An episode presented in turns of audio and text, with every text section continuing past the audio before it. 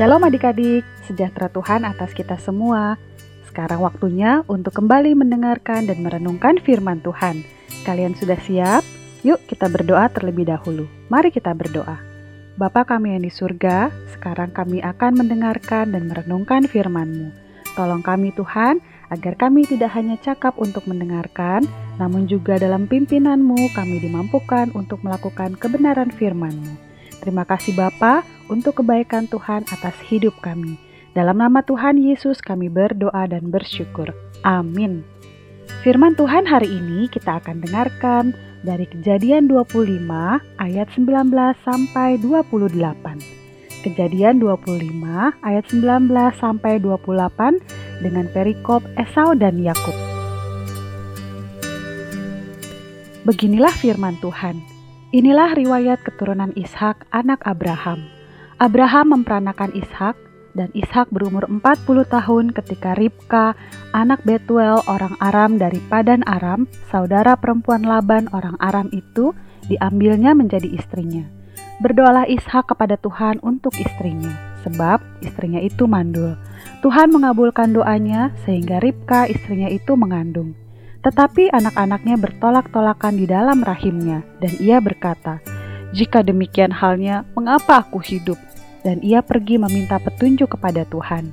Firman Tuhan kepadanya, "Dua bangsa ada dalam kandunganmu, dan dua suku bangsa akan berpencar dari dalam rahimmu. Suku bangsa yang satu akan lebih kuat dari yang lain, dan anak yang tua akan menjadi hamba kepada anak yang muda." Setelah genap harinya untuk bersalin, memang anak kembar yang di dalam kandungannya. Keluarlah yang pertama, warnanya merah, seluruh tubuhnya seperti jubah berbulu. Sebab itu, ia dinamai Esau. Sesudah itu keluarlah adiknya. Tangannya memegang tumit Esau. Sebab itu, ia dinamai Yakub. Ishak berumur 60 tahun pada waktu mereka lahir.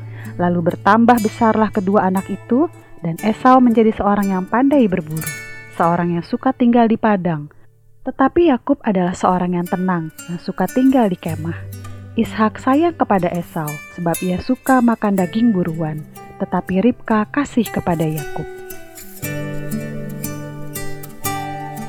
Nats Alkitab hari ini akan kita dengarkan dari Kejadian 25 ayat 21 yang akan dituturkan dalam bahasa Jawa oleh teman kalian Timothy. Beginilah firman Tuhan. Saking purwaning dumadi selawe ayat selikur. Sarehne Ribkah orang duwe anak, Iskak banjur nyenyuwun marang Allah. Gusti Allah nyebadani panyune temahan Ribkah banjur ngandek. Kejadian 25 ayat 21 Berdoalah Ishak kepada Tuhan untuk istrinya sebab istrinya itu mandul. Tuhan mengabulkan doanya sehingga Ribka istrinya itu mengandung. Tuhan menganugerahkan. Adik-adik, anak adalah hal yang paling didambakan oleh pasangan yang sudah menikah. Kehadiran anak sangat dinanti dan diharapkan. Saat papa dan mama menikah dahulu, mereka juga sangat menantikan kehadiran anak-anak dalam kehidupan keluarga mereka. Inilah juga yang dialami oleh Bapak Ishak dan Ibu Ribka. Ketika itu Bapak Ishak mengetahui bahwa istrinya Ribka mandul, Bapak Ishak merasa sedih. Namun hal itu tidak membuat Ishak dan Ribka berputus asa. Bapak Ishak berdoa bagi istrinya agar Tuhan memberikan keturunan bagi mereka. Apakah ada yang mustahil bagi Tuhan? Memang tidak ada yang mustahil bagi Dia. Ishak dan Ribka menerima anugerah Tuhan dengan dua orang anak kembar, yaitu Esau dan Yakub. Esau nantinya menjadi orang yang pandai berburu.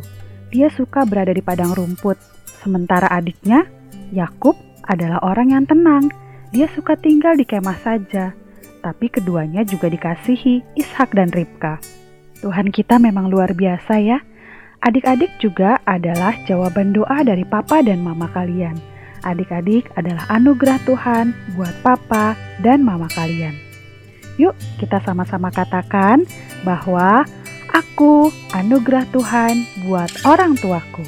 Sekali lagi ya, aku anugerah Tuhan buat orang tuaku. Mari kita tutup renungan kita di dalam doa. Bapa kami yang di surga, terima kasih karena Engkau sudah menganugerahkanku kepada orang tuaku, kepada papa dan mamaku.